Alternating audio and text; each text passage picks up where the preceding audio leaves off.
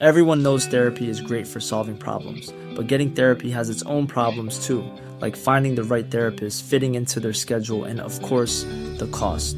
Well, BetterHelp can solve those problems. It's totally online and built around your schedule. It's surprisingly affordable too. Connect with a credentialed therapist by phone, video, or online chat, all from the comfort of your home. Visit betterhelp.com to learn more and save 10% on your first month. That's BetterHelp, H E L P. Hey, it's Danny Pellegrino from Everything Iconic. Ready to upgrade your style game without blowing your budget? Check out Quince. They've got all the good stuff shirts and polos, activewear, and fine leather goods, all at 50 to 80% less than other high end brands. And the best part? They're all about safe, ethical, and responsible manufacturing. Get that luxury vibe without the luxury price tag. Hit up quince.com slash upgrade for free shipping and 365 day returns on your next order. That's quince.com slash upgrade. This is Paige, the co-host of Giggly Squad, and I want to tell you about a company that I've been loving, Olive and June. Olive and June gives you everything that you need for a salon quality manicure in one box. And if you break it down, it really comes out to $2 a manicure, which is absolutely insane. It's also so easy to get salon worthy nails at home with Olive and June. The difference between how your nails used to look when you did them yourself and now with the Manny system is a complete game changer. The best thing about Olive and June too is it's a quick dry. Dries in about one minute, lasts for five days, and full coverage in up to one to two coats. Visit oliveandjune.com slash perfectmanny20 for 20% off your first system. That's oliveandjune.com slash perfectmanny20 for 20% off your first system.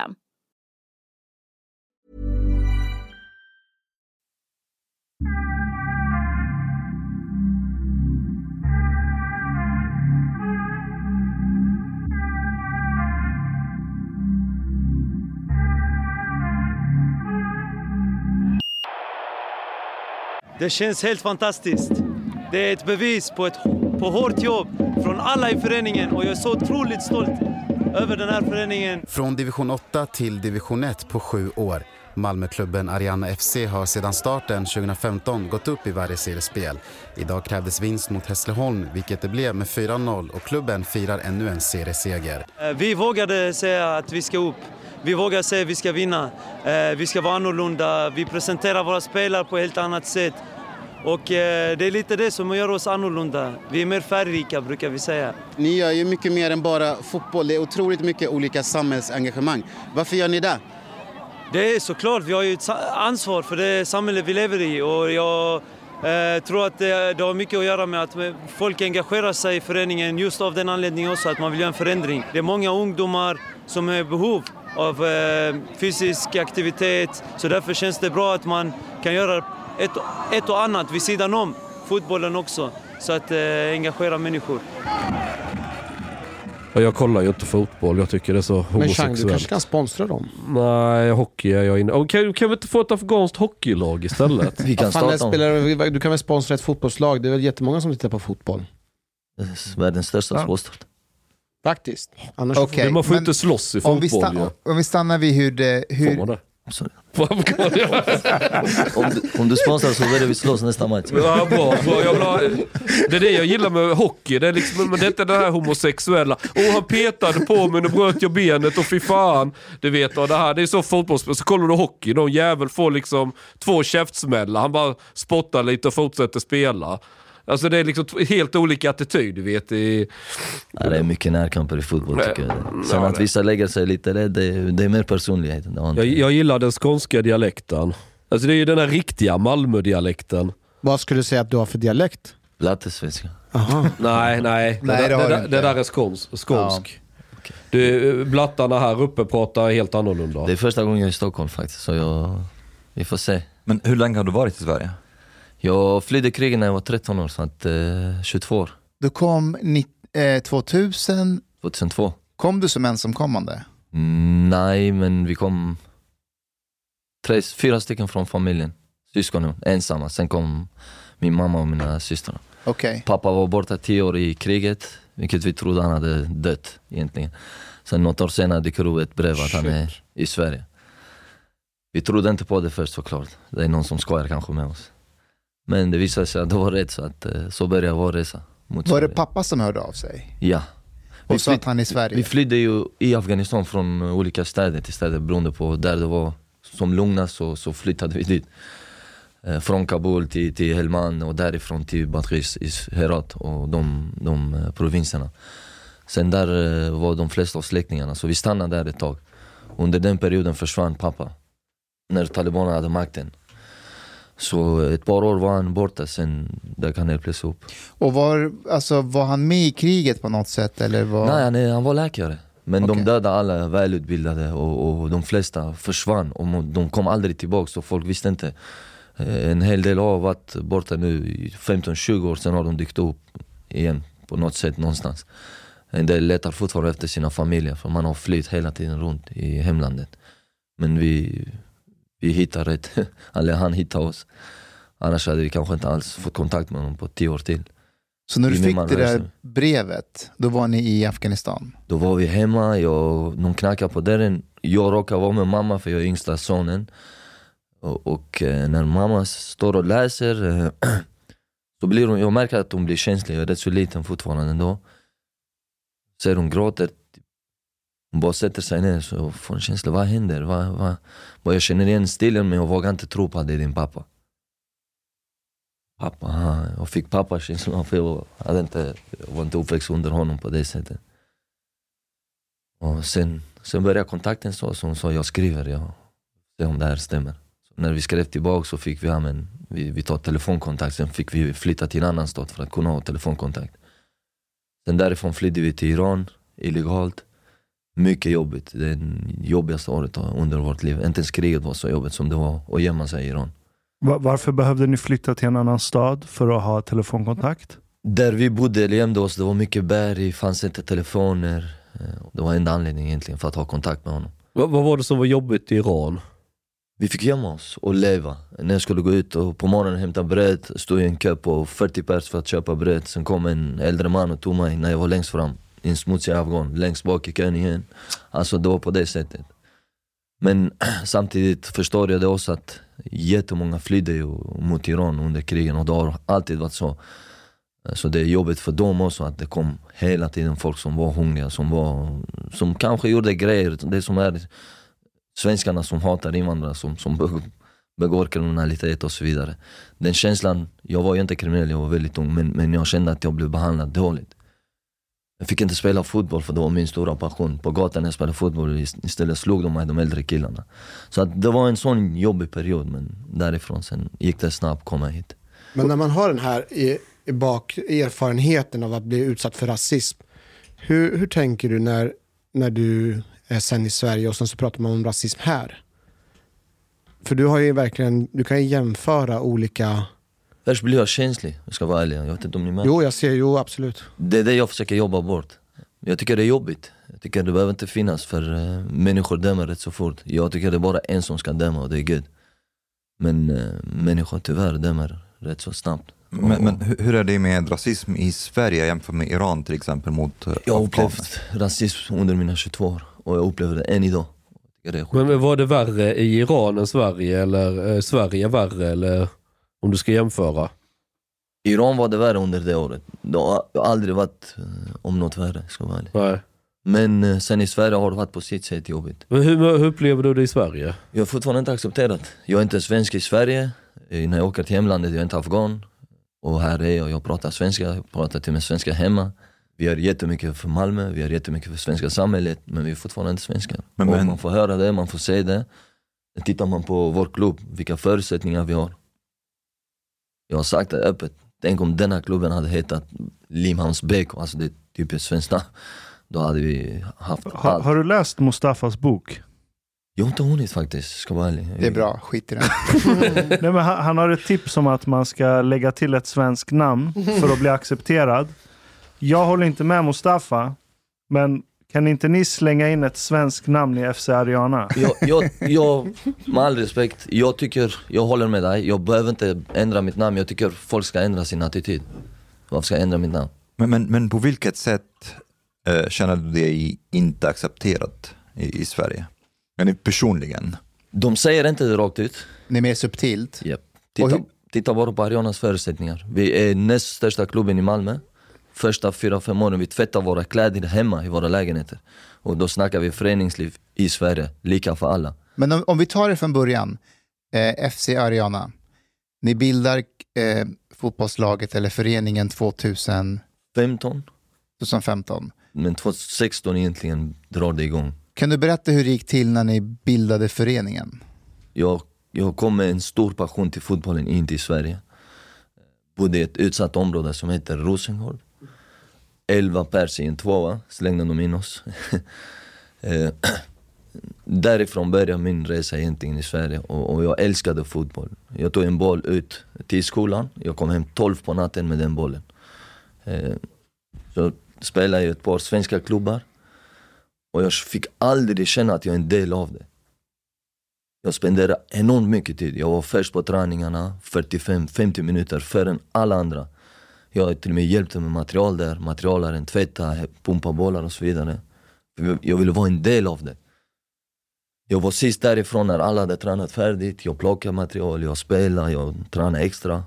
Fick aldrig känna att jag är en del av det. Folk hälsade inte på en. Inte?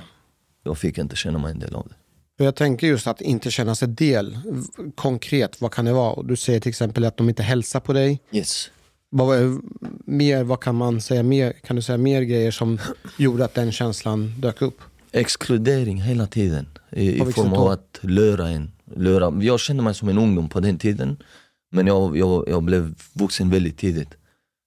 Eh, För i hemlandet fick jag jobba rätt så tidigt för att ta hand om familjen. Så jag var klar i huvudet även när jag var ung, eh, tonåring. Så jag såg allt och, och kanske då känner de här vuxna att han här fattar inte än. Men, men man, man känner allt, jag, jag förstår allt. Eh, Bättre än en 15-åring, en 17-åring mm, vanligtvis gör. Och då kände jag att de säger en sak men gör något annat. Man såg blickarna, skämten om, om invandrare, skämten om mitt utseende, min kropp, hur jag pratar, eh, hur jag spelar.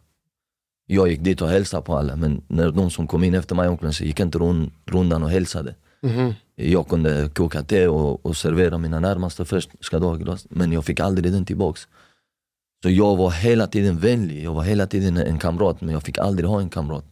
Och jag tyckte det var skitjobbigt för att eh, jag bet verkligen på mig själv och det var inte så att jag gjorde det för att få tillbaka det men jag kände att det här är föreningsliv, det här är, det här är mänsklighet, det här är vänskap. Vi spenderar enormt mycket tid. Så det gick långt, jag spelade fotboll i olika klubbar. Eh, men jag tänk, i de här klubbarna, var, var det andra etniska svenska eller var det blandat med? Eller vad var det för de här människorna du var med? Var, var det, eller var det någon speciell samhällsklass de kom från? Eller var det folk från Rosengård? Eller? De flesta av dem i det laget var svenskar till en början. Eh, Sen blev det ju mindre och mindre ju äldre vi blev.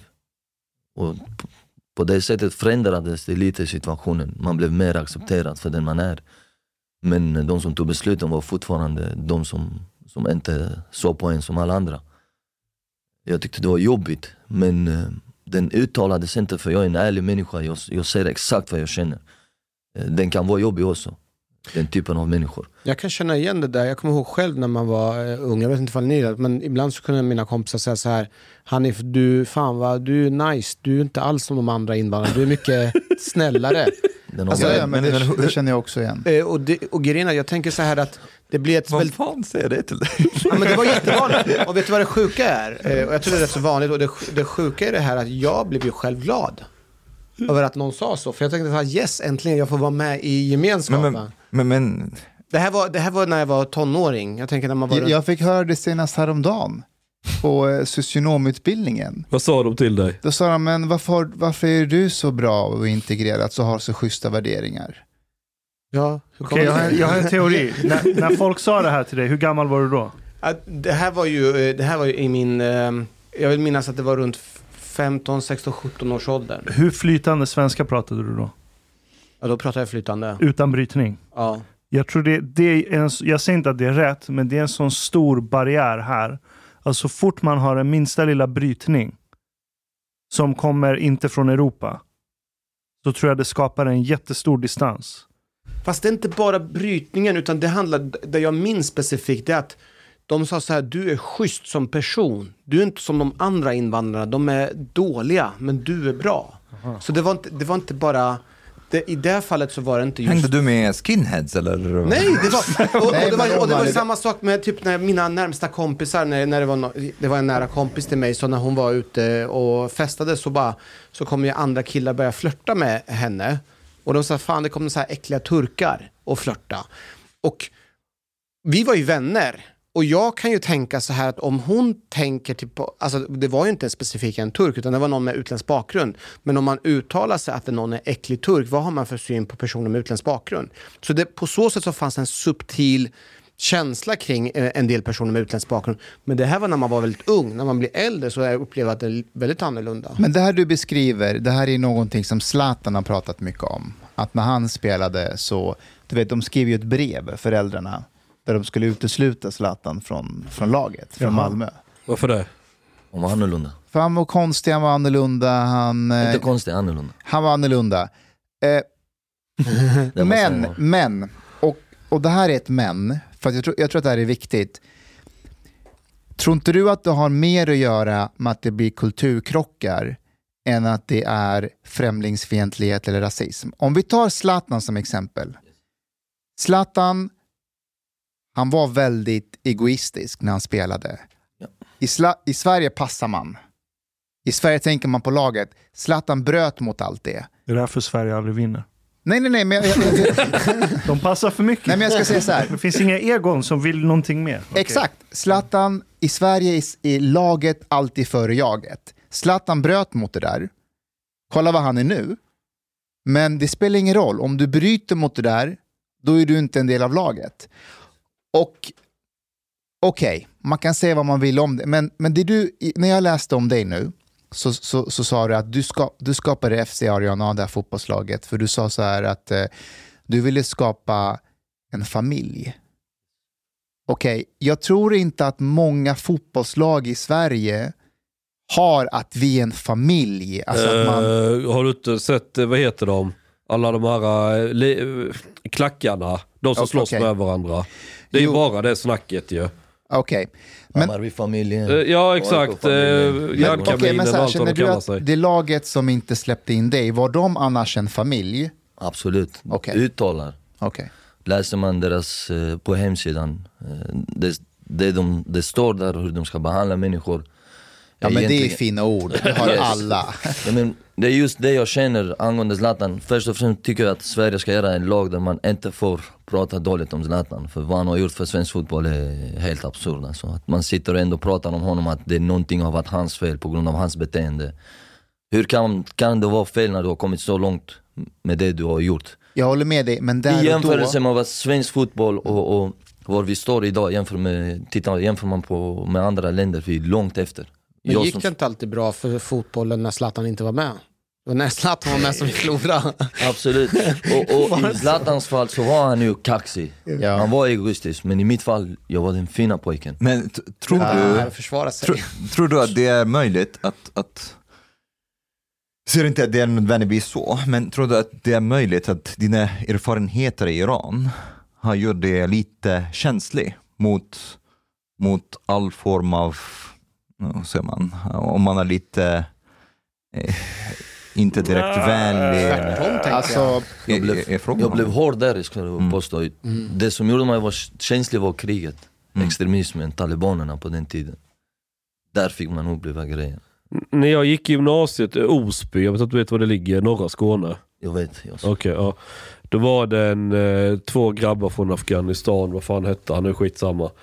Eh, så hamnade i vår klass på gymnasiet. Ingen ville prata med dem.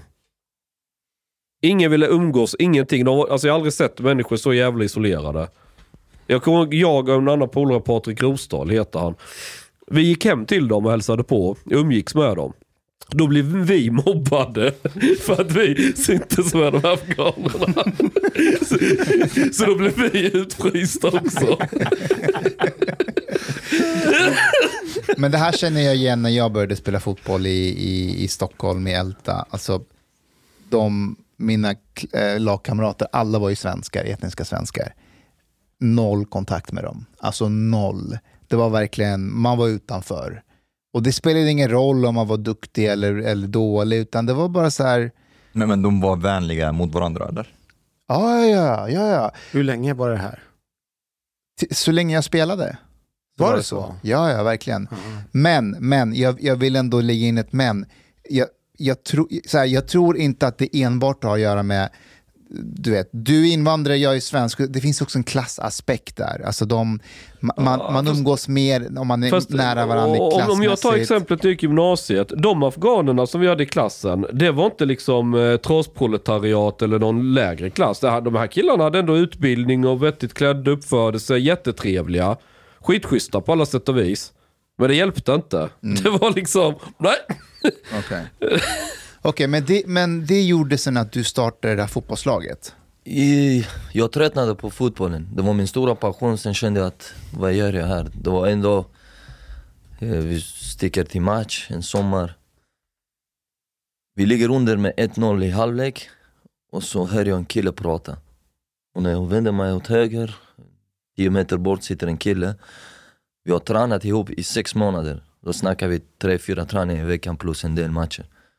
På sex månader har han varken hälsat på mig eller jag har hört hans röst. På sex månader. Så i, där och då under matchen tänkte jag, vad gör jag här? Det var exakt det jag tänkte. Sa han någonting? Eller? Han kommenterade någonting om matchen och min, eh, min situation, att det kommer många bollar på mig men vi får inte understöd. Tänkte jag, shit det är Tobbe som pratar. Jag kunde bara hans namn, inget mer.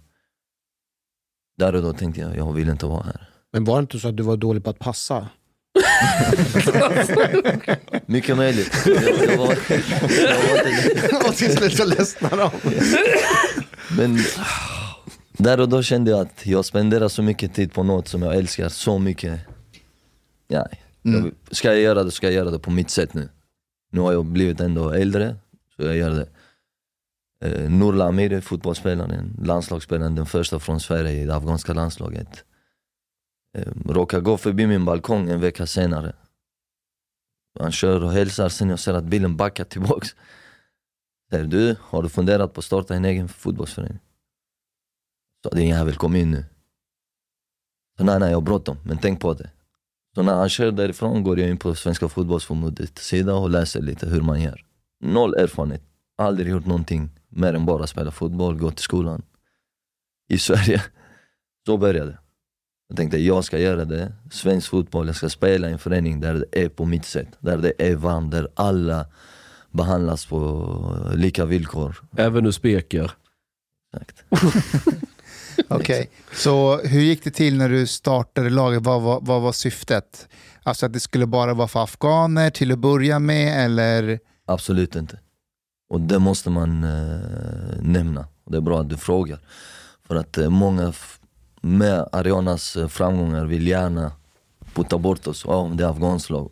Jag tycker det är fel att fokusera på de grejerna. Jag tycker eh, rätt fokus ska vara vad man har gjort, inte vem som har gjort det. Det är fortfarande det, det som pågår just nu. Och invandrare, ensamkommande som har gjort det. Jag är inte ensamkommande. Jag är invandrare men jag är inte ensamkommande och, och varför ska det stå alltid att det är en invandrare som har gjort det? Varför pratas det inte mer om Arianas framgång, vilka som har gjort det? Det är inte viktigt, vad är det man har gjort? Det är där fokus ska ligga, för det är det som har blivit svensk fotbollshistoria. Varför gjort. heter det Ariana?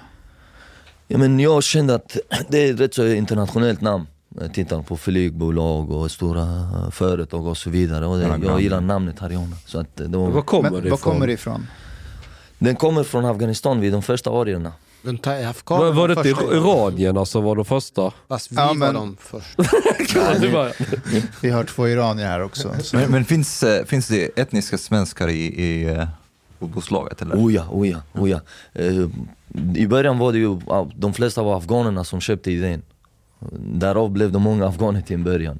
De var lätt så lätta att övertala. Och, och tro på drömmen, för redan dag ett sa vi vi ska sätta färg på svensk fotboll, sedan ut i Europa. Många som skrattar åt oss. men påminner inte det här om eh, Syrianska? Det är ett fotbollslag. Eller Jo. assyriska. Eller Syriska Ja, vad du vet. ja. det. Är samma grej där. Dalkurd. Da, ja, precis. Så jag tror det finns också ett persiskt lag någonstans. Det finns i Stockholm ett persiskt lag. Jag Hur, hur kontakt med gick det? Så ni, börjar man i division 7? dem. Åtta till och med, en division Åtta? lägre ner. Okej. Reservlagsserien. Reservligan. Men Okej. vi räknade som åtta för att få rätt på vår räkning. Men åtta sen. Ja. Och varje år har ni gått upp en division. Precis. Inte, 2006. inte varje år enligt Wikipedia. Något år var ni kvar i samma division. Nej. Aldrig. Det det Har ni gått upp varje år? Varje år senaste sju åren och det är svensk fotbollshistoria. Och vilken, var, var spelar ni nu någonstans? Division 1, södra. Och vilken är högsta? Allsvenskan. Två, Eh. två steg till så är vi i Sverige. Så Det är superettan, Sen allsvenskan. allsvenskan. Hur har det gått till när du ska skapa den här, vad ska man säga, kulturen i, i FC Ariana, den här familjen? Hur, hur, har du, hur har du fått ut det budskapet till föreningen och spelarna? Jag brukar alltid säga vi säger allihopa att eh, barn gör inte som man säger, de gör som man gör. Vi har fått vara, vi har fått vara de som, som visar vägen. Eh, vi jobbar ständigt med våra medlemmar, anställda, ledare, you name it, alla runt omkring föreningen. Vi har en, eh, ett, eh, vad kallar vi Arianas röda tråd. Och där, där är de här tre orden som vi ständigt jobbar runt omkring. Kärlek, gemenskap, respekt. Och respekt är för oss den största grundpelaren säger vi. Och, och vi jobbar, vi är närvarande och sen är vi själva precis till 100% exakt så som vi vill att alla ska vara runt omkring Ariana. Men hur, hur väljer ni vilka som får vara med och inte då? För det, man kan ju ha världens bästa kultur, värdeord, strategi. Men sen precis som du säger, barn gör som, inte som man säger, de gör som man gör. Eh, Det beror ju till slut också på vilka som kommer in där. Hur, hur väljer ni vilka som får vara med i den här gemenskapen? Vi scoutar. Vi scoutar väldigt noga våra spelare som ska komma in. Eh, Vi tittar noga på vilka som passar in på det sättet utifrån för att Arion har blivit också en förening som är väldigt resultatinriktad. Eh, och då tittar vi på kvalitet först och främst, vilka som har fotbollskvaliteterna, sen tittar vi på karaktärerna. Och, och, och vi ser utifrån helheten, passar man in, ja då är man välkommen att vara med. Men det har varit så under åren, det har varit folk som inte passat in på, på förhand, men vi har gett dem chansen. Det går att förändras. När man får en chans, när man är med människor eh, som är runt omkring en, som, som tar hand om en, som ger en förutsättningar. Och har förändrat en hel del som har inte passat in. Eh, men, men har kommit in och passat in och blivit en del av något som ingen annan trodde att de kunde bli. För ingen har gett dem chansen. De har varit dömda på förhand. Nej men han här är skitstövel, han kommer bara förstöra ett lag. Nej då väntar du bara. När han ska få lite värme och kärlek så kommer han ställa sig Hur, i hur, led. hur, hur ser det ut när en spelare inte passar in? Ja, men då förklarar vi vår verksamhet. Nej, men jag menar, vad, vad, vilka karaktärer har den här personen som gör att den inte passar in? Kan du ge ett exempel på någon spelare som kanske ni har haft som inte har passat in? V- vad gör de? Alltså vad är det man gör? Den äktheten finns inte hos dem. Äktheten? Ja. Det Ja. finns en genuin äkthet i Ariana, man är rak på sak, är högt i tak, man är ärlig i alla lägen. De spelarna oftast eh, viker ner där. De är inte äkta, de, de säger inte saker och ting de menar. Eh, ett exempel kan vara det att man pratar med dem, de tittar ner istället för att titta i dina ögon. För det är aldrig en äkta människa. Du tittar rakt i ögonen och säger exakt vad du känner, för det, du ser in i deras hjärta, du rör dem direkt, pillar i deras hjärta. Det beror väl på, tänker jag. En del är ju blyga. Ja, men de blyga också, när de, är, när de ska säga något och de menar, de tittar på dig. Du det där, ja, fan jag ska ha ett par fotbollsskor du lovade mig förra månaden. Och då tittar man inte du var är mina skor? Det är faktiskt en bra poäng. Alltså om det är på riktigt. Nu var det ett exempel, men det händer ju Ja. mycket. Om det är på riktigt, på riktigt, då, då, då, då ska man ha det som man tycker är rättvist. Då försöker man få kontakt med dem. Jo, men vi är ju nog i Sverige. Kom igen. Ja, men de, de har skapat... När du har sagt så att, att det ska vara en familj, Yes. vad menar du med att Ariana är en familj? Kan du ge några exempel på det? Auran, känslan. När jag nu ska hem, eh, jag öppnar dörren, jag ser alltid det är någon barnunge, det är antingen systers eller broders eh, barn som springer fram och omfamnar en. Och sen kommer mamma med mat, te, gods och sen är pappa. Sen är man, man umgås, det är en känsla, det är, en, det är luften där inne, man känner att man är älskad. Alla bryr sig om en, där är, tänker man inte åh de tre sitter ensamma, jag är inte välkommen där i den hörnan. När man kliver in i Arianas omklädningsrum, redan på IPen, man, man känner av musiken är på. Det luktar te, kaffe, det serveras. När man kommer in, alla hälsar, åh puss, kram, du vet. Man går runt sin runda. Alla pratar med alla, en del gymmar, en del sitter och pratar. Sen man skämtar, sen man skämtar om den gruppen, man drar in dem. Man, man bara, man går runt så här. Alla är en enhet. Det är en familj, en enhet. En familj. Idag mår jag dåligt här, händer någonting med mig här så hela min familj är här på ett par timmar. Men om man inte känner det, om man inte känner sig älskad, om man inte känner att folk bryr sig om en, då blir det lätt de här grupperingarna. I fotbollslag, du har spelat fotboll, du vet, i ett omklädningsrum det är väldigt grupperat oftast. Eh, Det är de mot dem, det är den mot den, det är de stjärnorna i laget mot de lite Ni sämre har spelarna. inte det hos oss? Absolut inte. Ett exempel kan jag ta upp, det var två killar som kom inför division 3 till oss. Ena fick spela eh, rätt så begränsat, och så hittar han en kompis i laget, sen kör de hem till, efter träningarna, kommer hem till träningarna tillsammans. Jag lät dem en vecka. Andra veckan, och då talar vi om äkthet. Jag tog båda två tillsammans, rummet bredvid, så kom killar vi ska prata lite. Jag sa titta på mig. Jag sa detta finns inte i Ariana. Att man håller hand, man går in och ut tillsammans, man isolerar sig, man gör en grupp i vår grupp. Kommer ni in tillsammans nästa träning så kommer någon av er få inte vara kvar i Ariana. Och jag tittar på dem, så båda två tittar på varandra och säger shit. De, de, de märker allt. Känner dem, men de säger inte det för det är min känsla. Nästa träning kommer han med någon annan och så kommer han med två, tre andra. Så var den gruppen död. Nu umgås de med alla och, liksom och så vidare. Så gick det mycket bättre för dem också fotbollsmässigt. För de hade isolerat sig i sin bubbla, börjat prata om tränare, kanske om spelare.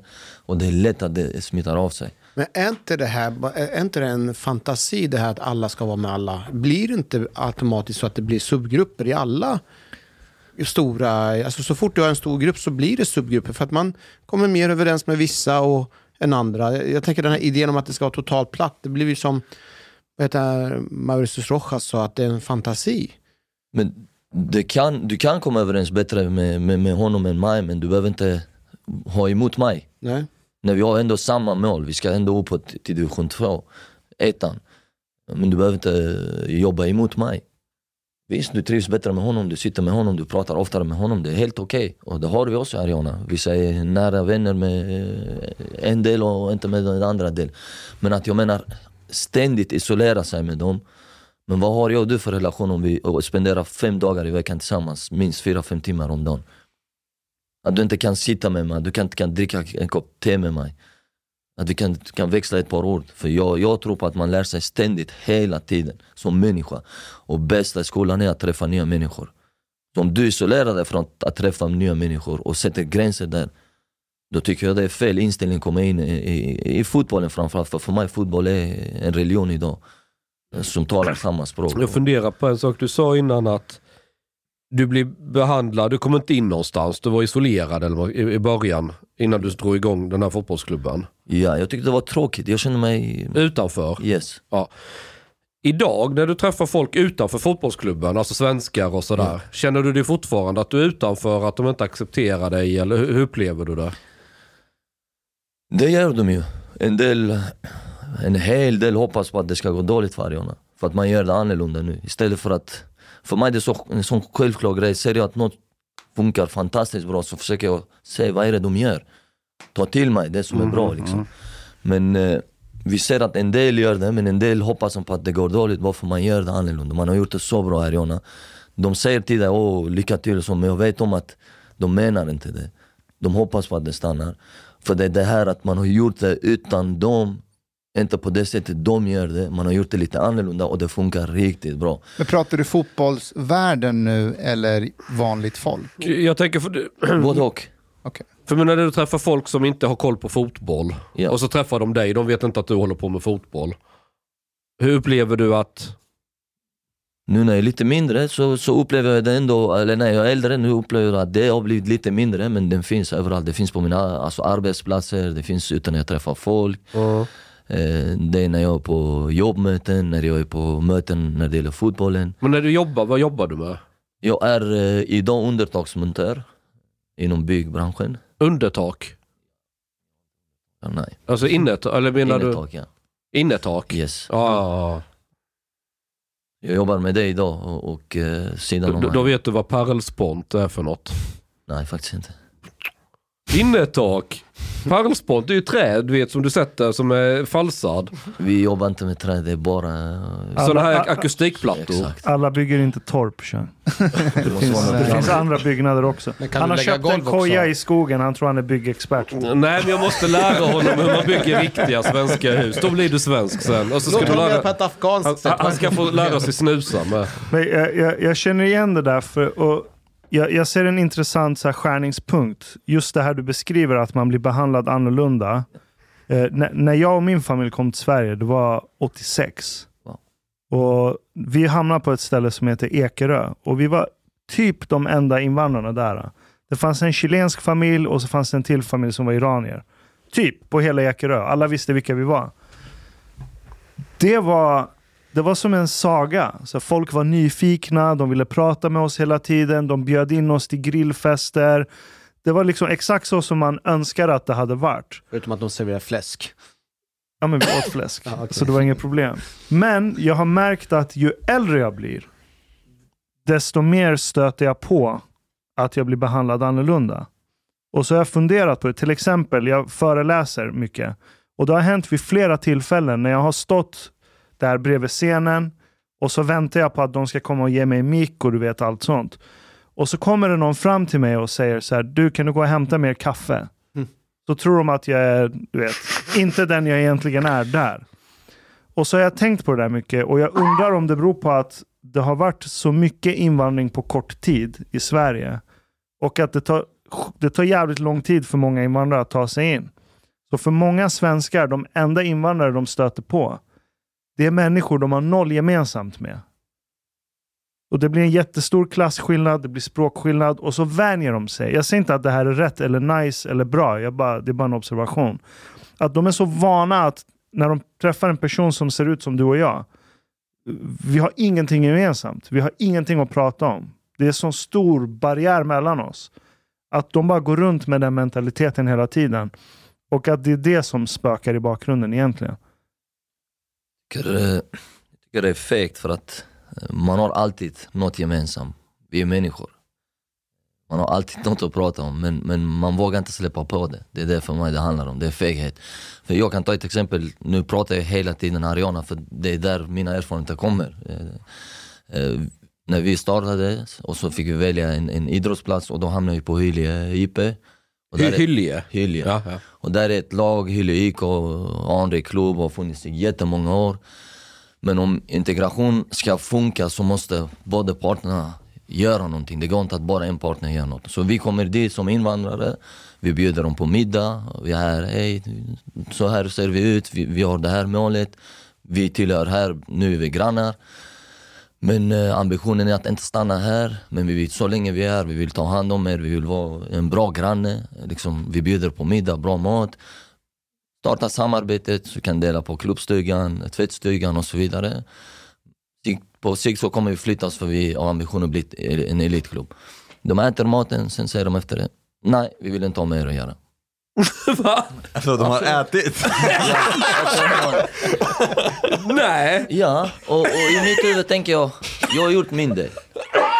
Men vä- vänta, på, på vilket sätt kommunicerades det här fram? För jag, jag, jag har svårt att tro att de var så här raka och ärliga och bara vi vill inte ha något med er att göra. Nej men vi, vi tar ju en, en del av styrelsen, väldigt fina trevliga killar så vi går dit och, och vi har bara ett mål med, med den här middagen är att inte sälja in något men att verkligen starta en relation med Men, dem. men var träffas ni någonstans? På en restaurang. Jaha okej, okej. Och ni, ni bjuder på mat? På och- mat, vi bjuder på mat. Vad var det för mat ni bjöd på? Afghansk mat. Och det är, kan du beskriva? Ja, men vad- skit i det. Jag vill höra vad det är för mat! Det är Jag bjuder, dig, jag bjuder dig till Malmö på Ja. Ja, men, kan, Åk till Malmö. men kanske det var maten? Ja, det kanske var fel på maten, det var Kom igen, lammlägg. De kanske inte äter lamm. Det kanske var maten. Kan du låta honom prata? Ja. Det kanske var maten, det vet jag inte men då, då borde de inte äta allt som serverades ju. Men... eh, Ja, så för vi- de åt ju. De åt åt. allt, de åt mer än vad de skulle. så då tänker vi, och vi är inte i behov av dem på det sättet för att klubbstugan som de utnyttjar är Malmö kommuns, det är inte deras, deras egen. Så att vi, och det är inte därför vi går dit, men vi, vi går dit för att presentera oss. Nu kommer ni se oss här varje dag. Det är bättre vi kan hälsa på varandra, vi kan ha en relation och, och, och kan man jobba tillsammans och ha någon sorts samarbete så, så, så gynnar det båda klubbarna. Men jag lovar, efter den måltiden så säger de rakt ut Nej, vi är inte intresserade och vi vill helst att ni flyttar härifrån. Rakt ut. Sa de tack för maten i alla fall?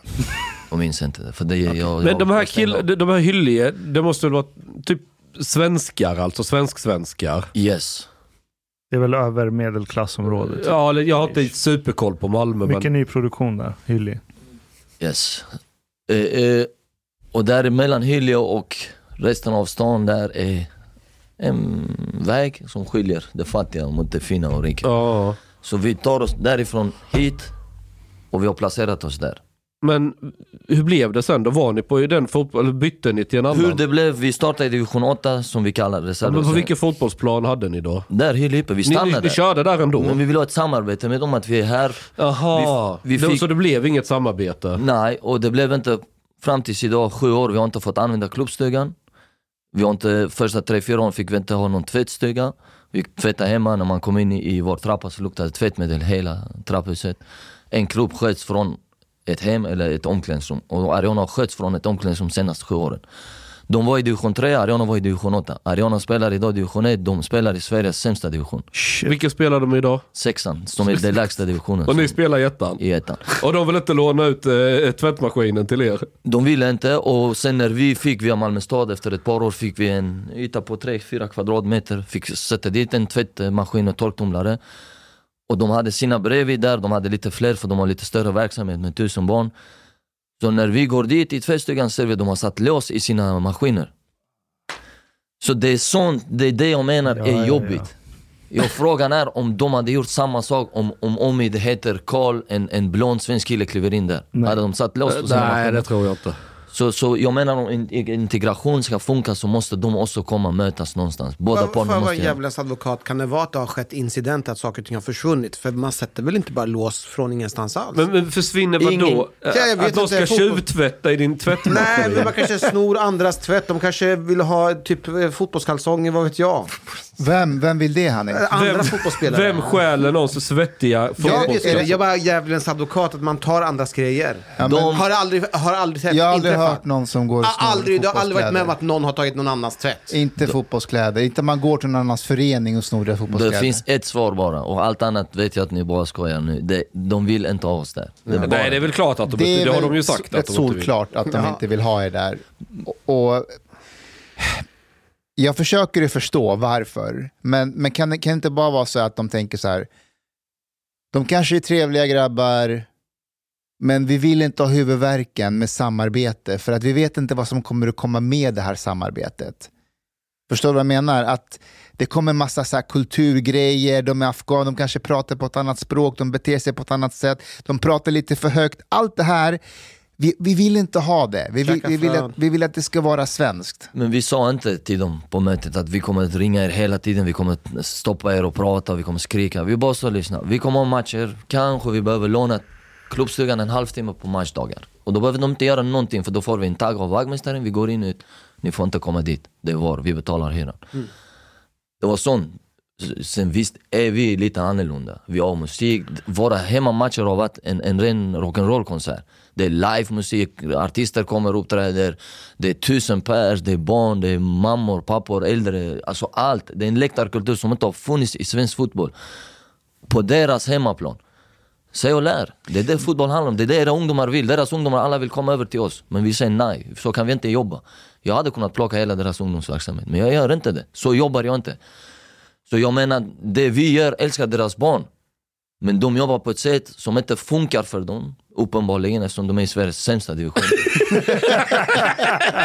Jag älskar att du påpekar det gång på Men jag, det menar, vi krävde inte något av dem för de Nej. ska vara annorlunda, de ska anstränga sig. Vi krävde ingenting. Vi sa, Skulle man- här är vi, låt oss ta en del av det som ni har. För Går det det, går det inte också. ringa till någon i Hyllies fotbollslag och fråga varför de inte lånar ut tvättmaskinen och allt det här? Ja. Jag, skulle, jag, jag skulle vilja höra deras Det förklaring. var faktiskt jävligt kul. Ring varför Men- men, men- men... lås på sina... Ja. Alltså för mig är det... Men är, är det inte den här kombinationen att säga okej, det ska vara lugn och ro. Vi orkar inte med någonting nytt som kommer in på vår liksom inkräkta på vår area. Det kan vara nytt om jag kan gå till en restaurang och äta sushi. Ja. Då får det vara nytt. Men inte att det kommer 30 japaner hem till mig. Det orkar inte jag med. Det blir för mycket. Och så här, de spelar musik, öh, det blir stökigt, vi vill bara ha lugn och ro, vi vill bara gå dit, frön, komma tillbaka. Det, det är samma sak med stadskärnorna i Stockholm. Natt, nattlivet måste stänga klockan ett på natten för att folk störs av att det inte det är Ja, inte men lugn varför och ro. idioterna flyttat till stan då? Jag vet, jag om håller du, inte... har, om jag, du är en fotbollsklubb och det är några andra som vill spela fotboll, då har ni åtminstone någonting gemensamt. jag håller Eh, med. Låna ut en fucking Jag tvättmaskin. vet, jag vet. Jag säger bara att det är den här kombinationen av feghet, att man orkar inte sätta sig in i någonting nytt.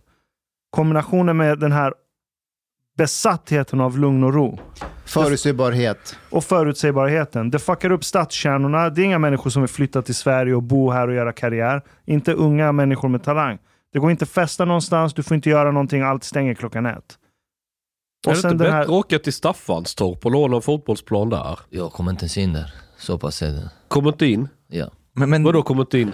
Jag skämtar, jag menar när du kliver in i Staffanstorp, kliver in på en liv och ska handla. Du har tusen blickar på dig. är det så? Så är det.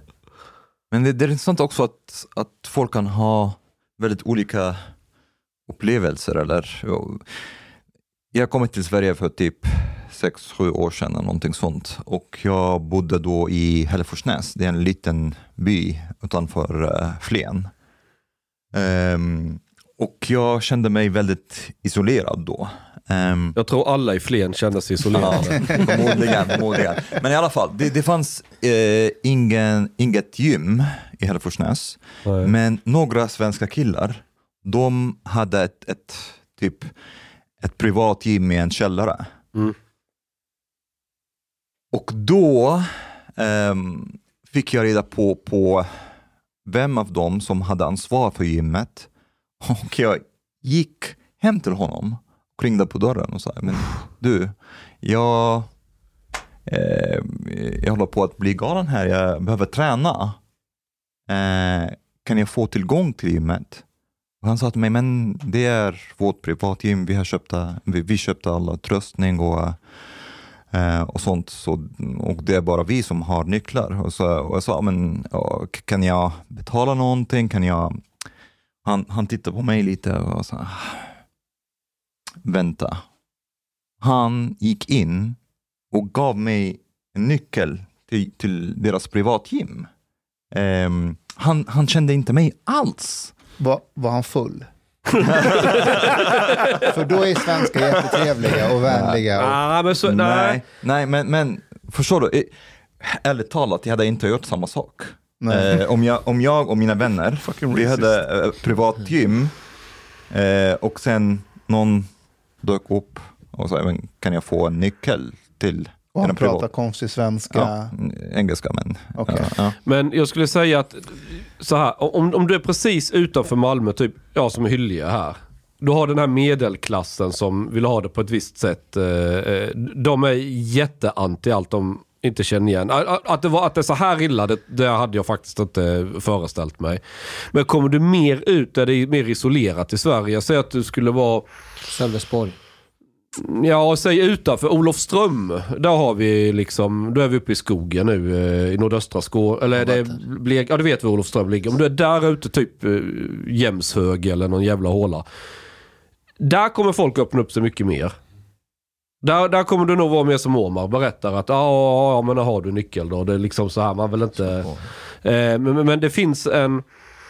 Jag vet det finns en sån här medelklassrädsla. Framförallt för invandrare. För det är invandrare som skjuter ihjäl varandra och rånar barn och, och gör alla de här hemska sakerna. Eh, speciellt afghaner har ju jävla dåligt rykte. Det är klart att många är sådär, nej nej vi håller oss på avstånd, du vet. De blir...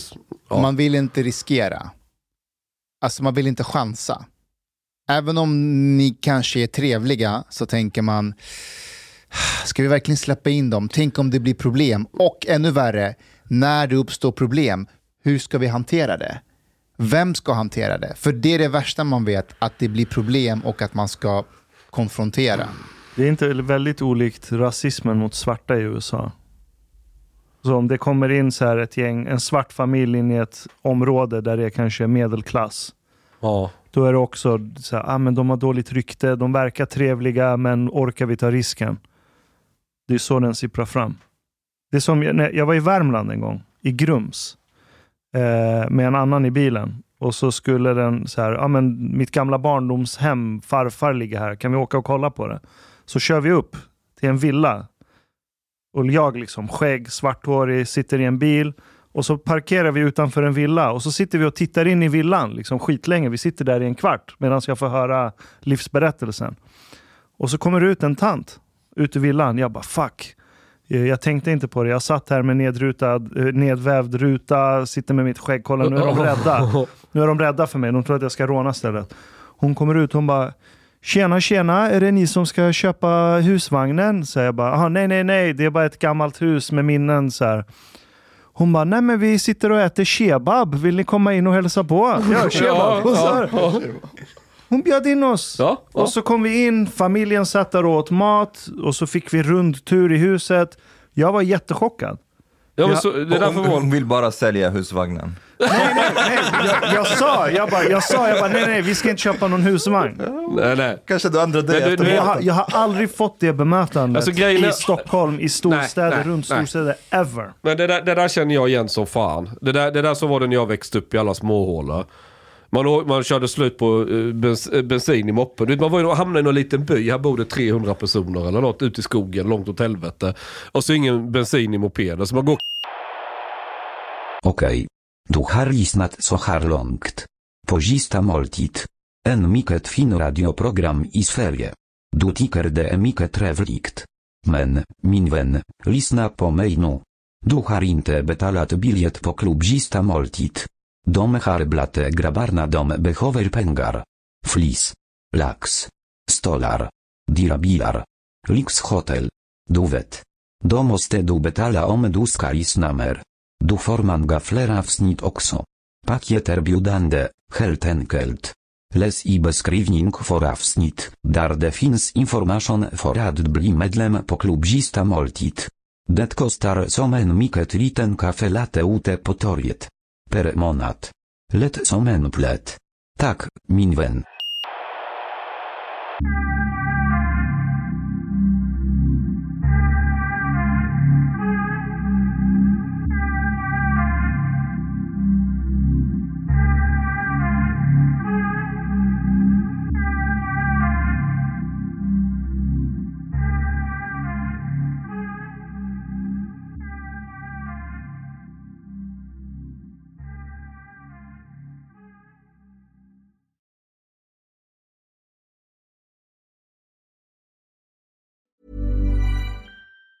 Planning for your next trip? Elevate your travel style with Quince. Quince has all the jet setting essentials you'll want for your next getaway, like European linen, premium luggage options, buttery soft Italian leather bags, and so much more. And it's all priced at 50 to 80% less than similar brands. Plus, Quince only works with factories that use safe and ethical manufacturing practices. Pack your bags with high-quality essentials you'll be wearing for vacations to come with Quince. Go to quince.com slash trip for free shipping and 365-day returns. Hold up. What was that? Boring. No flavor. That was as bad as those leftovers you ate all week. Kiki Palmer here, and it's time to say hello to something fresh and guilt-free. Hello Fresh. Jazz up dinner with pecan-crusted chicken or garlic butter shrimp scampi. Now that's music to my mouth. Hello Fresh. Let's get this dinner party started. Discover all the delicious possibilities at hellofresh.com. Hi, I'm Daniel, founder of Pretty Litter. Cats and cat owners deserve better than any old fashioned litter. That's why I teamed up with scientists and veterinarians to create Pretty Litter. Its innovative crystal formula has superior odor control and weighs up to 80% less than clay litter. Pretty Litter even monitors health by changing colors to help detect early signs of potential illness. It's the world's smartest kitty litter. Go to prettylitter.com and use code ACAST for 20% off your first order and a free cat toy. Terms and conditions apply. See site for details.